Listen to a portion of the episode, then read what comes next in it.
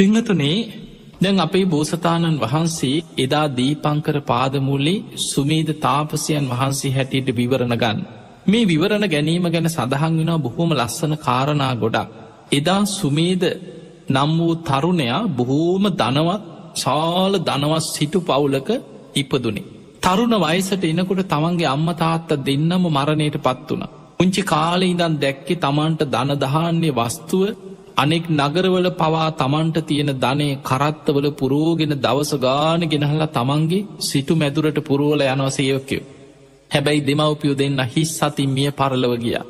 එදා මේ සුමේද කියන තරුණය කල්පනා කරන්නේ අපේ දෙමවපියෝ මේ මොනතරං වස්තුව මාලිගා මොනතරන් දේපල තිබුණත් පරලව ගිය නෑ මේ කිසි දෙයක් අරගෙන. ගබඩාවල් වල මේ ඔක්කෝම පුරෝ පුරෝ හිටියත් මේ සියල්ල අතහැරලා හිස් සතින් පරලෝගිය. ඒ නිසා මටත් වෙන්න මේවා බදාගෙන මේවා ඉක්රැස් කර කර මේවා පාලනය කර කර ඉන්න නං මටත් ඔයිර නම තමයිවෙන්. ඒ නිසා දන්දීමමයි සැපය.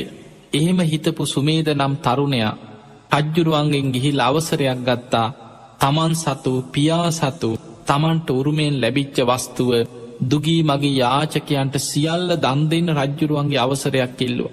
අවසර ඉල්ලල හැම්ම තැනම ගමක් නගරයක් පාස අඩබෙරකරුවන් පිටත් කළ අඩබෙර ගැහුව. මිනිස්සු පුද්දුම විදිහට සමහරු කරත් අරගෙනාව සමහරු උත්සගෙන යන්න පුළුවන්ගයි ගෝනි අරගෙනාව නොයෙක් විදිහට මිනිස්සු පිරිලා ඉතිරිලා එදා ගබඩාවල් සියල් ඇරලා. සඳලු තලේ ඉදම් බලාගෙන සාධකාරදිදී සතුටුනා ඇති තරන් තමන්ට පුළුවන් හැටියට තමන්ගේ වස්තුව දීපල ක්‍රිසිසේ අරගෙන යන්න කියලා මිනිස්සුන්ට අවස්ථාව දුන්න. මිනිස්සු කරත්තවල වස්තුව පටෝගෙන යනවා. බඩුබාන්්ඩ ධාන්‍ය මේවා උත්සගෙන පටෝගෙන මිනිස්සු පින්දිදී යනවා.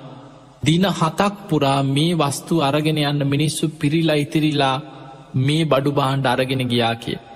මේ දිහා බලාගෙන සාධකාරදිදී සතුටු වන අනේ කොච්චර දෙයක්ද දන්දීම අතහැරීම මයි සතුට. එදා සුමේද නම් තරුණය මේ විදියට දන්දීල දන්දීලා අන්තිමට තමන්ට ඉතුරුණේ තමන්ගේ ගේ ඉඩමයි සිටු මැතුර. ඒ වෙලා සිටු මැදුරෙන් එලියට ඇවිල්ලා මේ විශාල සිටු මැදුර දිහා බලාගෙන ඉදල කල්පනා කරා මං මේ සියල්ල අතහැරලා විමුක්තියක් හොයාගෙන හිමාලිට යනවා. මේ සිටු මැදුරේ දැන්වීමක් දැම්ම ඕන කෙනෙක් කැමතිසේ මේ දේපොල මේ සිටු මැදුරු මේ ඉඩකඩම් පරිහරණය කරත්වා කියලා මේ දැන්වීම දාලා අතැහැල්ල ගියායන් මහා වනාන්තරයට යනවා. හිමාල වනාන්තරයට ගිහිල්ල තවස් දම්පුරනෝ. තවස් දම්පුරමින් භාවනා කරා කෙටි කලක් ඇතුළතම අෂ්ට සමාපත්ති දක්වා පංච අභිඥා ඇති ඉරදිමත් තාපසයෙක් බවට පත් වන. දැන් සුමේද තාපසයන් වහන්සේ.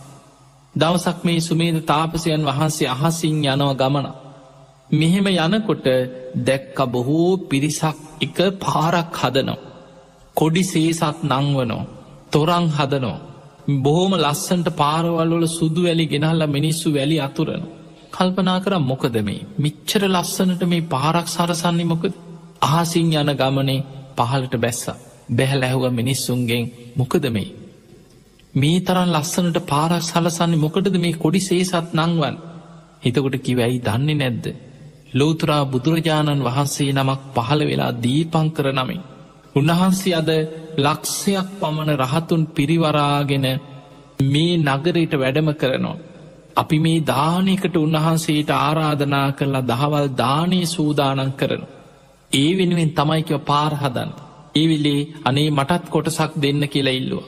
මිනිස්සු කල්පනා කරා සුමේද තාපසයන් වහන්සේ හිමාලෙ ඉන්න බොහොම ඉරදි බල සම්පන්න කෙනෙ.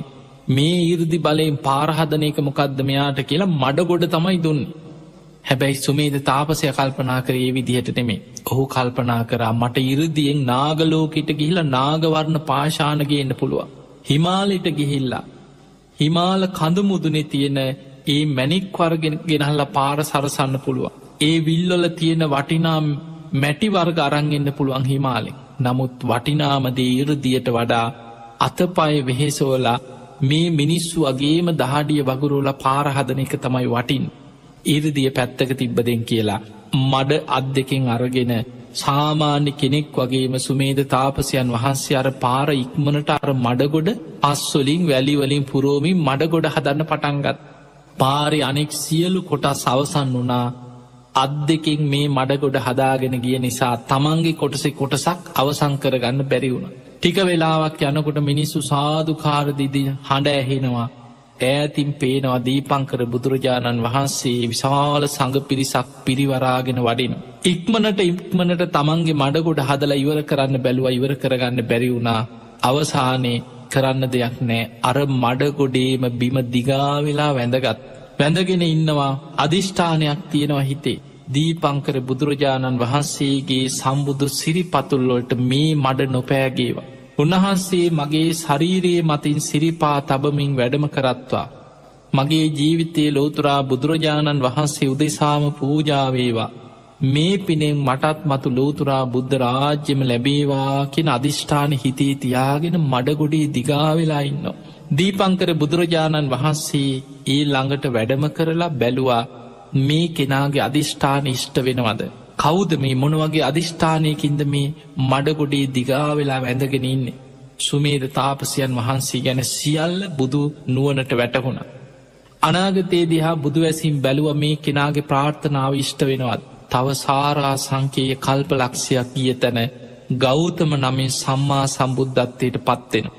එදා එතනදි තමයි දීපංකර බුදුරජාණන් වහන්සේ මුලින්ම විවරණ ලබා දුන්නේ මහනෙන මේ මඩගොඩේ දිගාවෙලා ඉන්න මේ මහා වීරියවන්ත කෙනා තවසාරා සංකීය කල්ප ලක්ෂයක් ගේ තැන ගෞතම නමින් සම්මා සම්බුද්ධත්වයට පත්වෙනවා. ඒ බුද්ධ ශාසනය තුළ සැරියුත් මුගලන් නමින් අග්‍රශ්ාවක යුලක් එදාට පහළ වෙනවා.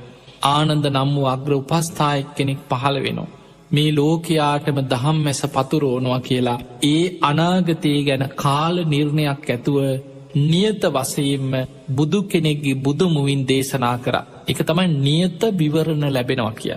ඒ වෙලා සුමේද තාපසයන් වහන්සේ සාධු කාරදීල අනුමෝදං වෙලා සතුටු වෙලා අහනවා අනේ ස්වාමීනී භාග්‍යතුන් වහන්ස සම්බුද්ධත්තේ පිණිසමා දියුණු කළ යුතු බුද්ධ කාරක ධර්මයන් මොනවද කෙලැහු. ඒ වෙලාවෙ දීපංකර බුදුරජාණන් වහන්සේ අර පිරිස අතරදි බුද්ධ කාරක ධර්මයන් ගැන දේශනා කරා සුමේද ඔබ සම්බුද්ධත්වය අරමුණු කරගෙන දාන පාරමිතාව පාරමී උපපාරමී පරමත්ත පාරමී හැටියට සම්පූර්ණ කරා. ඔබ සීල පාරමිතාව පාරමී උපපාරමී පරමත්ත පාරමී හැටියට සම්පූර්ණ කරගන්න. ඔබ නයිස්ක්‍රම්ම පාරමිතාවත් පාරමී උපපාරමී පරමත්ත පාරමී හැටියට සම්පූර්ණ කරන්න. ඔබ ප්‍රඥා පාරමිතාවත් පාරමී උපපාරමී පරමත්ත පාරමී හැටියට සම්පූර්ණ කරන්න. ඔබ වීරිය පාරමිතාවත් පාරමී උපපාරමී පරමත්ත පාරමී හැටියට සම්පූර්ණ කරගන්න.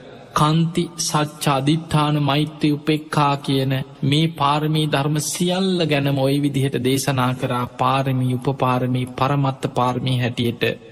ලෝතුරා සම්බුද්ධත්තේ පිණිස ඔබ සම්පූර්ණ කරගත යුතුයි කියලා දසපාරමී ධර්මයන් ගැන දේශනා කරලා දීපංකර බුදුරජාණන් වහන්සේ සඟ පිරිස සමඟ දානයට වැඩිය. එතනම ගහක් යට සුමේද තාපසයන් වහන්සේ භාවනාවට සමවැදුර.